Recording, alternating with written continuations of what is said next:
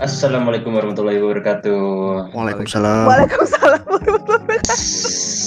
Kembali lagi dengan Mapan Podcast bersama Alvan, Rio, Vina, dan Via di sini. Hey, what's up people? Oke, episode 2 episode kedua di season 4 ini kita akan membahas sesuatu yang cukup uh, hangat ya istilahnya hangat kucing gitu Anget banget, kucing, anget kucing. Pokoknya ayam kan, bukan anget kucing. oh ya hangat ayam uh, ya kita akan membahas sesuatu yang cukup kompleks ya jadi di sini yang lagi diangkat adalah isu uh, ini uh, gender equality dan yang di Indonesia ini yang dibahas yang lagi hangat-hangatnya itu adalah soal RUU PKS. Yoi. Nah, ini kan ada RUU PKS ini kan karena ada apa ya kasus seksual harassment terhadap uh, anak di bawah umur, terus terhadap wanita, bahkan laki-laki pun juga ada sebenarnya. Jadi uh, banyak yang masyarakat tuh sebelumnya belum paham di sini. Nah, uh, bentuk dari isu isu ini tuh dari kayak hal-hal kecil, misalnya kayak di sosial media gitu ya, kayak misalnya tulis-tulis komen yang vulgar, tapi pakai akun double account gitu ya, akun fake gitu, sampai Iya, iya, iya. ya sampai uh, sesuatu yang lebih gede gitu, yaitu adalah seksual harassment misalnya di jalan atau sesuatu yang lebih serius lagi seperti pemerkosaan dan lainnya. Nah, di usia sekarang kan kita umur 20-an ini kan juga uh, sebenarnya kita harus apa ya saling mengerti uh, di apa ya apa yang terjadi di masyarakat gitu ya. Jadi ini penting sekali buat kita apa bahas di sini.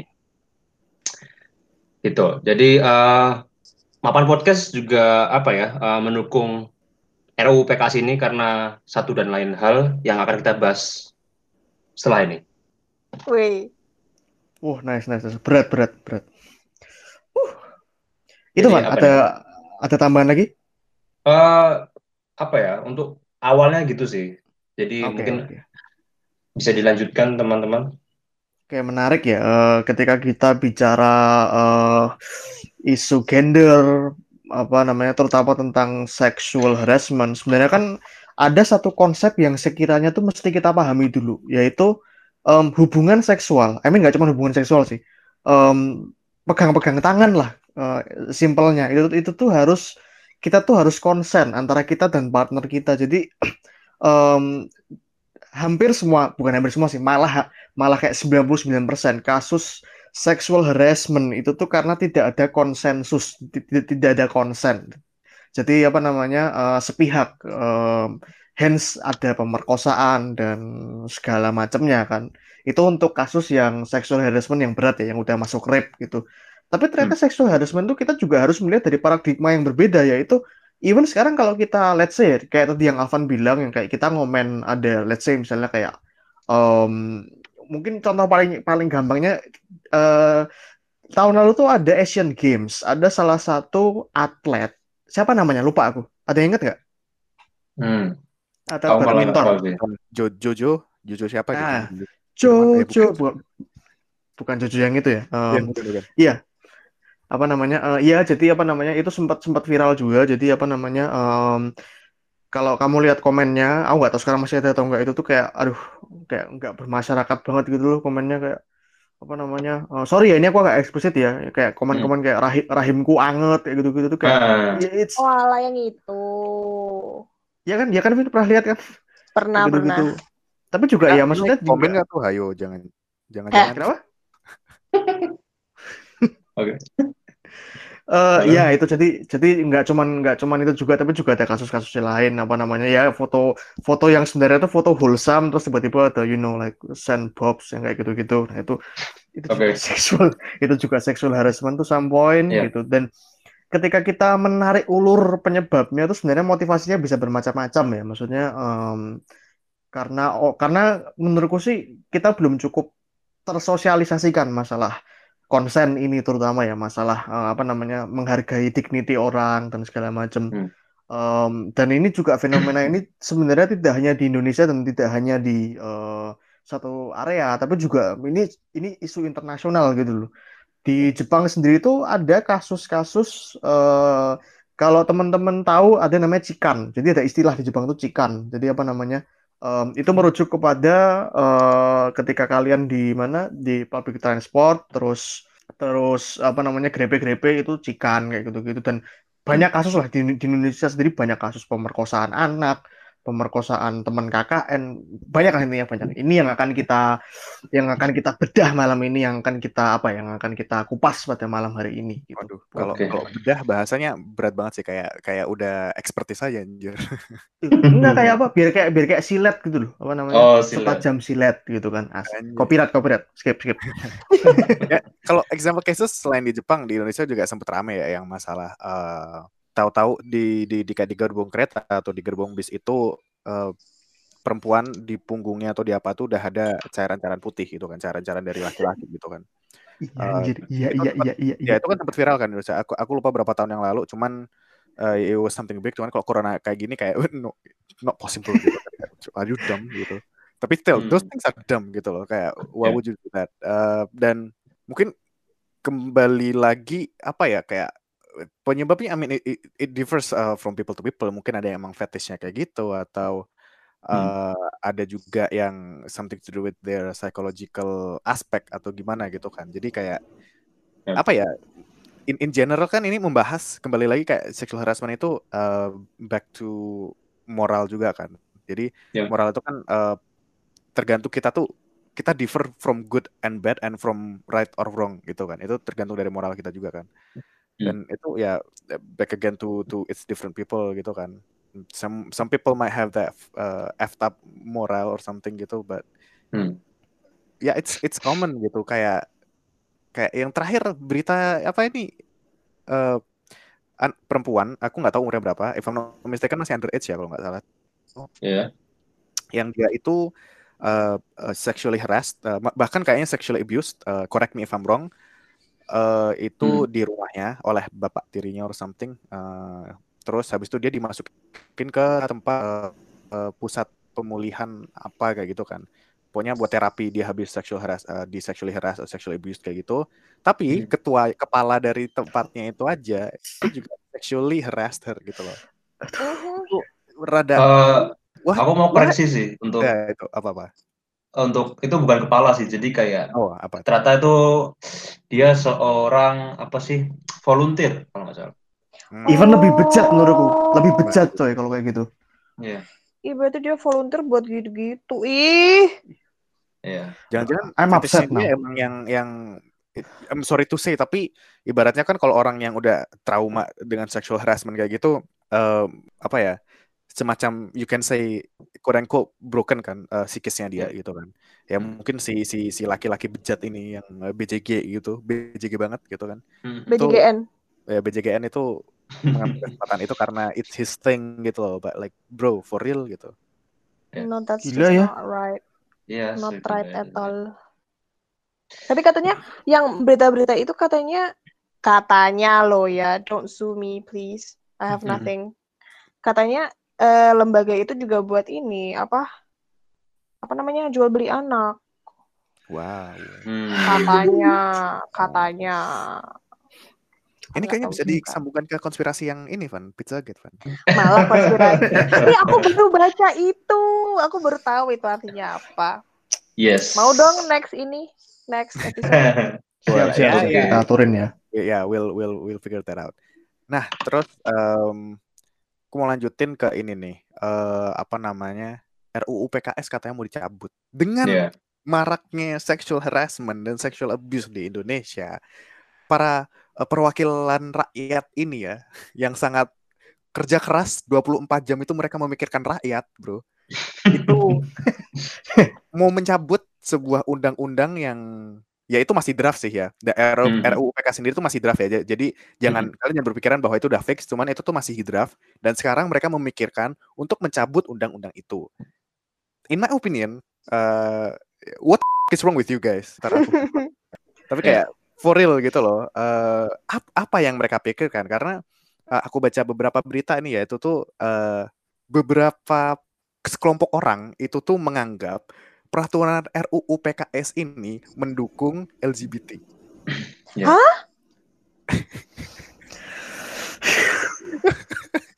Dan Gimana? kalau boleh, kalau boleh bilang ini tuh orang-orang ini tuh adalah kelompok sayap kanan. Dan Hmm. ya ibaratnya tuh mereka kayak yang konservatif gitu kan eh, orang-orangnya. Tapi kayak aku kan tadi sampai setelah baca berita itu ya eh, beberapa source mengatakan kayak salah, satunya ini katadata.co.id yang aku baca Hmm. itu eh aku langsung kepo emang RUU PKS kayak gimana? Aku cari tahu kan. Aku skimming baca LGBT-nya dari mana bro? Ini kan buat Hmm.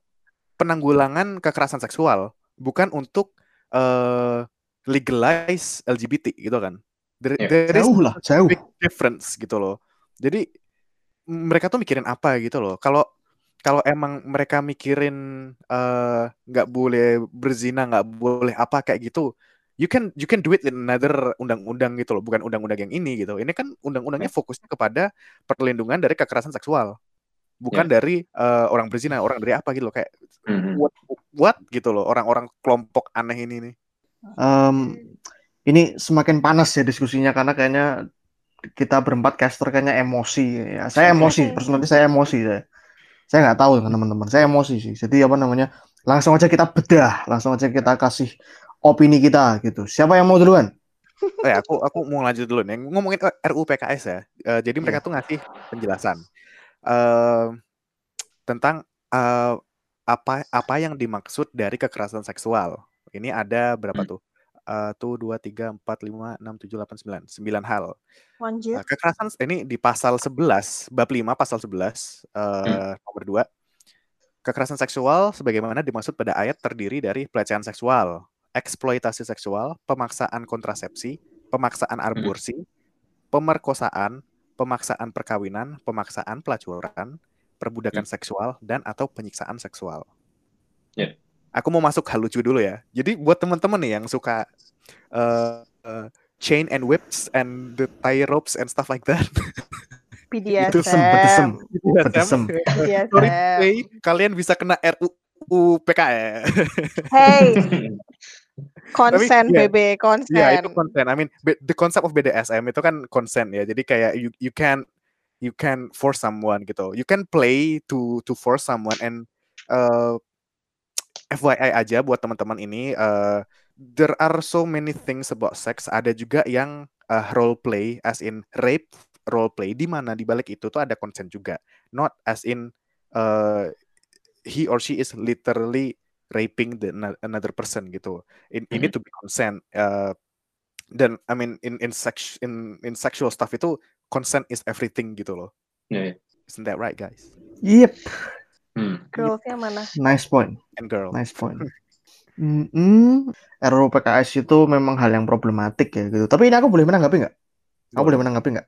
Berkaitan tentang RUU PKS ini. Jadi sebenarnya gini, salah satu karena aku lulusan sospol ya, maksudnya aku aku belajar eh, belajar everything about government tuh tiga setengah tahun gitu ya. Jadi sebenarnya salah satu akarnya adalah yang yang tadi aku bilang. Jadi eh, tingkat ke apa ya awareness tuh bahasa Indonesianya apa? Kesadaran. Kawasan. Ya, tingkat kesadaran masyarakat terhadap terhadap isu ini tuh masih minim dan jangankan di masyarakat yang akar rumput lah. Teman-teman yang institusi, teman-teman yang apa yang ya itu yang tadi teman-teman yang terhormat itu yang apa yang nyusun-nyusun itu itu tuh juga nggak nggak paham gitu loh. Sorry ya, ini aku Hmm. marah-marah nih. Padahal sebenarnya menurutku em, salah satu pencegahan yang paling eh, efektif itu adalah penegakan hukum. Nah, penegakan hukum itu sumbernya dari mana? Kalau teman-teman em, apa namanya narik ulur benangnya ya dari mana? Ya dari dari undang-undang, dari undang-undang, dari dari regulasi. Regulasi yang bikin siapa? Yang yang yang yang apa? Yang nyusun siapa? Nggak tahu. Ya itu orang. Duh, itu yang orang-orang sorry, sorry, Orang-orang itu keras yang kalau sampai sam- saking capeknya tuh tidur pas rapat Iya. itu ya. Tidur gitu kan. Jadi ya udah pas rapat tidur aja gitu. Jadi ini loh maksud maksud maksud saya, jadi gini, apa namanya? Institusi penegak hukum itu baru akan bergerak ketika ada dasar hukum yang kuat, yang mengatur, yang mendefinisikan Anda berhak dihukum apabila Anda melakukan A, B, C, D, E dan itu semua ada di RUU PKS gitu loh. Nantinya peraturan ini, regulasi ini akan menjadi dasar hukum buat apa? Buat teman-teman institusi. Ada Komnas HAM, ada Komnas Perempuan, ada Komnas Perlindungan Anak, dan juga teman-teman yang di levelnya di level eh, swadaya, teman-teman LSM, teman-teman gitu. Jadi kalau semuanya bisa bersinergi secara sempurna, maka pencegahan itu akan lebih mudah gitu loh. Mas maksud saya maksud maksudku begitu. Jadi ini memang agak agak bikin frustasi ya karena karena dasar hukumnya nggak kuat, institusinya jadi lemah gitu loh. Hmm. Wah, gitu sih kalau yang dari aku apa uh, sorry aku marah-marah tonton Aku berasa kayak ngobrol sama dosen gitu lagi webinar atau lagi apa gitu kan. Sebenarnya bahkan nggak usah jauh-jauh gitu loh ke apa ke negara segala. Maksud dari dari diri kita sendiri itu kita juga udah bisa educate ourselves gitu. Kayak what is right what is wrong. Kayak yang tadi Rio bilang. Aku tuh sebel banget di Indonesia kenapa seks itu sebuah hal yang tabu. Tuh sebel banget. Bahkan aku porno! Bahkan aku sebagai anak kecil aja dulu nggak pernah dapat sex education dari orang tua aku. Sex education aku dari TV guys. Mana aku kecilnya di luar negeri kan ya TV-TV luar negeri lebih parah guys daripada TV Indonesia. Iya iya iya. I agree sih itu, I agree. Jadi sex education aku bener-bener wow. Tapi ya untungnya aku tidak kenapa-napa.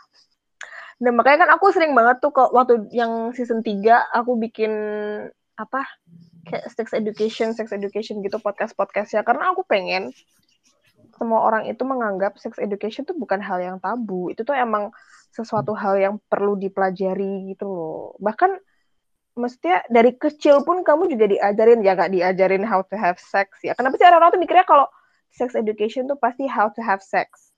Padahal sex education tuh gak cuma how to have sex. Apa merawat, coba sebutin, sebutin. merawat merawat alat vitalmu. Ya, salah satunya terus kan.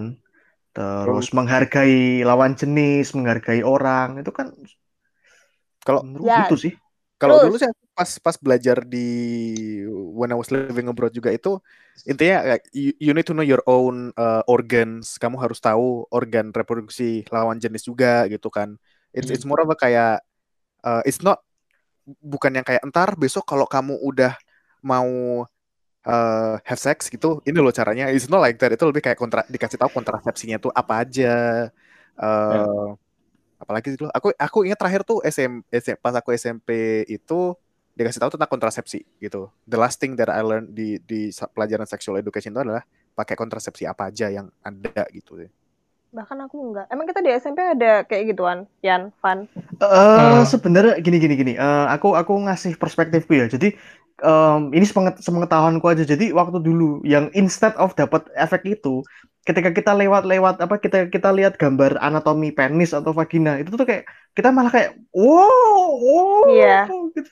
Kayak, ah. Ya. Ada yang ini gak sih ngelihat, wow ini ternyata uh, anatomi tubuh perempuan tuh kayak gini ya. Wow, bagian ininya, wow, bagian itunya, wow, kayak gitu gak sih dulu kalian? Apa sih kalian nih? Nggak, tapi gitu, Vin. Tapi gitu, Vin. Karena cowok-cowok aku, aku apalagi yang di Indonesia ya, eh, aku tuh melihat pada kayak gitu gitu. Iya. Sedangkan dulu pas aku eh, per- perbandingan aku belajar itu di luar kayak ya we, we made some jokes cuman kayak oh it's for educational purpose jadi kayak cuman oh oh oh oh look a penis on this uh, uh, in this chapter and in this page gitu kan hehehe udah gitu doang gitu loh Hmm. Bahkan pas kecil aja tuh aku kan belakangan ini Rio lagi sering nyanyi lagu yang ini loh yang No no don't touch me there. This is my no no square. Itu bisa banget dijadiin sex education kayak buat anak kecil buat diajarin Hmm. kayak bagian mana aja yang boleh dipegang sama orang lain, bagian mana aja yang hanya boleh dipegang sama kamu. Ya. Bahkan umur umur umur lima tahun aja udah bisa diajarin kayak gitu. Itu itu bahkan udah termasuk sex education. oh Kayak kenapa orang-orang nggak bisa nggak bisa ngajarin anak dari kecil bukan ngajarin how to have sex but how to uh, give Handle. consent have consent gitu gitu Eh, aku boleh nanggapin nggak, Vin? boleh Jadi eh, ini ini adalah salah satu ketidakuntungan disadvantage hidup di lingkungan yang apa-apa ya masih ketimuran gitu loh. Jadi apa namanya? Ya, bahas terbuka dikit aja tuh kayak apa namanya kayak jangan tutup tutup gitu yang even even soal pakaian aja diatur gitu loh. Jadi memang memang ada drawbacknya kita hidup di quote and quote eh, budaya ketimuran yang over gitu kan. Sehingga ketika kita bicara soal itu tuh kayak ditutup-tutupi kesannya kayak menjauhkan kita dari dari itu. Padahal kan sebenarnya kan perlu juga kita tahu gitu loh. Dan dan nggak harus spesifik nggak harus kayak nggak harus kayak oh gini loh kalau kalau mau bikin anak caranya tuh ini dimasukin ke sini. Nggak bukan itu maksudnya. Maksudnya adalah mentalnya. No means no, tidak adalah artinya tidak. Dari situ kan udah sex education. Tapi ini sih, aku aku mau nanya, uh, bukan bukan ya kalian juga sih, kayak mau pertanyakan, uh, what what do you think di saat uh, RUU PKS ini misalnya ya, misalnya ini udah berjalan, cuman it will be used in in in kayak dibalikin gitu loh, uh, kayak let's say false false accusation kayak gitu. Aku aku nggak tahu sih case-case-nya kayak gimana. Mungkin Vina lebih tahu kayak false accusation rape kayak gitu atau sexual harassment kayak gitu? Kalian nggak tahu kok yang belakangan ini lagi rame banget seleb-seleb pada di ini di accused sexual harassment. Iya. Such as? Justin Bieber, Ansel El Ansel Elgort, Cole Sprouse, Lily Reinhardt, banyak banget sumpah pada di accused sexual harassment. Padahal mereka nggak punya buktinya. Terus si seleb-seleb ini pada punya bukti kalau that never happen gitu loh. Hmm. Jadi kayak pada falsely accused, false, falsely accused gitu kayak aku nggak paham kenapa mereka nge-attack selebriti kayak gitu dan akibatnya yang pada nge nge nge nge nge, nge accuse itu disu sama seleb-seleb ini. Nah, kalau di Amerika kan setauku emang saat false accusation uh, atau false accusation kayak gitu kan bisa dibalikin kan, bisa kayak reverse Uno card gitu kan. hmm. ya ibaratnya kayak gitu kan. Cuman di RUU PKS ini ya, uh, well karena aku cuman skimming, jadi uh, aku nggak tahu apakah bisa dibalik apa enggak. Takutnya bisa di weapon kayak ini nih pasal yang karet-karet itu yang yeah. berita berita terbaru adalah yang nagih utang kok yang di penjara, bro. Yeah. Nah itu loh. Tak, it makes me kayak ini undang-undang di Indonesia bakal kayak gimana nih masalah masalah kayak gini juga nih nanti ke depannya. Nah, tapi kebanyakan kalau kasus sexual harassment tuh kebanyakan he said, she said nggak sih? Iya. Kecuali yeah. emang ada bukti yang benar-benar konkret banget itu baru. Tapi emang kebanyakan itu karena victim of sexual harassment itu lebih ke trauma duluan gitu loh. Jadi nggak tahu mau ngapain. Ya takut duluan kan, mm -hmm. kan apa namanya. Dan Indonesia juga belum ada resource untuk bisa cepat tanggap gitu loh. Malah kalau dibawa ke polisi bilangnya ah mbaknya yang mau toh, ah mbaknya juga mau, juga setuju toh, mesti Nih. kayak gitu. Sebel banget aku. Either itu, either itu atau ini ya, ini sorry ini aku ini aku marah-marah yang terakhir ya. Ini menurutku tolol aja gitu loh, apa namanya? E, menikahkan pemerkosa dengan yang diperkosa itu tolol yeah. gitu. What the heck? Sumpah itu itu tapi bisa kalau di ada RUU PKS ya itu bisa bisa kena pasal coy karena kamu nggak boleh memaksakan perkawinan tadi kan aku sempat bilang kan uh, pemaksaan nah pemaksaan perkawinan tuh ada coy itu nggak boleh coy Oke. Alvan ada komentar nggak? Ini kayaknya yang agak apa, meresapi ini Alvan ya. Ini pasti dia punya banyak hal yang untuk diucapkan. ya apa ya? Uh, dari semua yang dibahas tadi itu sebenarnya aku udah ada kesimpulan secara pribadi sih. Aku ngomong bukan sebagai expert ya, tapi sebagai masyarakat biasa, masyarakat kecil. Jadi uh, balik lagi tadi yang diomongin Rio, Vian dan Vina itu adanya RUU PKS gitu-gitu, apakah itu akan efektif apa enggak dan lain-lain itu balik lagi sebenarnya ke pribadi masing-masing setiap masyarakat di Indonesia menurutku. Karena uh, mau mau apa ya mau RUU-nya setajam apa mau RUU-nya se mengerikan apa. Tapi kita bisa lihat dari contoh korupsi misalnya ya. Korupsi gitu ya udah dibentuk lembaganya yang gede malah gedungnya di mana mak? Gedungnya gede banget di Jakarta dan lain-lain gitu ya. Terus itu pun maksudnya masih banyak kasus yang nggak kena gitu loh. Ngerti nggak? Hmm, jadi ya. banyak banyak kasus yang sebenarnya tuh apa ya uh, jadi dibentuknya sebuah KPK atau itu tuh jadinya melempem gitu loh, masih kalah dengan orang yang berduit misalnya kayak gitu ya. Jadi uh, selain RUU PKS, menurutku yang paling penting tuh uh, pribadi masing-masing setiap masyarakat ya, yang berperan siapa ya masyarakatnya juga gitu loh. Jadi uh, penting banget apa ya kita buatnya dari satu sama lain misalnya ya dari circle kita ya teman-teman kita atau uh, mungkin kalau udah yang punya anak ya nanti di edukasiin ke anak kayak tadi yang Vina omongin soal sex education itu penting banget itu dari usia dini karena misalnya uh, ada yang anak dari kecil dia kebiasaan nyolong buah gitu ya. Terus sampai gede dia udah ada mindset buat apa-apa gampang tinggal nyolong gitu-gitu ya. Nanti dia jadi orang DPR dia nyolong duit duit masyarakat gitu. Nah jadi itu kan sebenarnya kan dimulai dari bibitnya dulu dari dari basic dari fundamentalnya itu ya dari kecil emang kalau udah gede umur 30 udah umur 40 ya udah udah karatan mungkin pikirannya nggak bisa diganti lagi gitu loh Udah ngancing. udah ngancing gitu. Jadi yang eh, aku mau bahas sedikit di sini, aku bahas sedikit aja ya. Jadi kayak dari lembaga dari sebuah lembaga aja gitu yang tadi Rio bahas kayak P2T P2A di Lampung Timur itu lebih tepatnya itu lembaganya aja itu sebenarnya ambigu gitu loh. Ada beberapa apa ya? Ada beberapa dari investigasi lembaga advokasi anak Damar Lampung. Ada tiga kejanggal- kejanggalan di lembaga P2T P2A yang di Lampung Timur yaitu tidak memiliki SOP penanganan perempuan dan anak korban kekerasan. Kedua, rekrutmen pengurusnya bukan berlandaskan kemampuan dan keberpihakan pada korban. Terus yang ketiga, eh, kru lembaganya laki-laki. Yang menurut Damar ini, petugas lembaga untuk perempuan dan anak korban kekerasannya harusnya lebih ke perempuan, jadi bukan ke laki-laki gitu. Jadi eh, ini apa ya? Jadi katanya percuma juga dibuat lembaga, tapi ujung-ujungnya juga jadi kasus kayak gini kan kayak percuma duitnya. Gitu sih. Masih kompleks. ya. Jadi iya masih kompleks sekali dan ini emang apa ya menurutku selain RUU PKS ini juga kita sebagai masyarakat apa ya ya percuma ada RUU PKS tapi masyarakatnya mindsetnya masih kayak gitu ya jadi melampau aja sih RUU PKS-nya gitu loh. Jadi ya menurutku itu sih Iya, ada iya. teman-teman mungkin yang mau nanggepin Mungkin eh, eh, kalau dari aku sih eh, ini sekalian kita PSA aja ya, Public Service Announcement. Kita di Mapan Podcast kita mendukung well-being orang lain itu dihormati.